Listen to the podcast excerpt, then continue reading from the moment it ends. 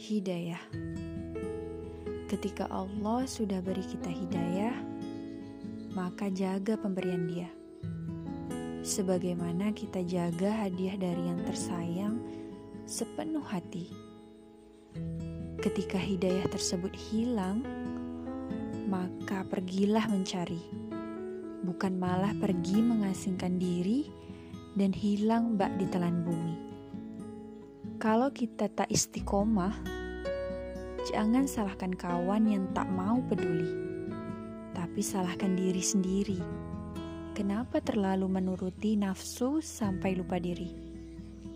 Ya Allah, jaga mereka, jagalah kami, karena sedetik pun kita tak akan pernah tahu sampai kapan hidayah ini dibawa sampai mati.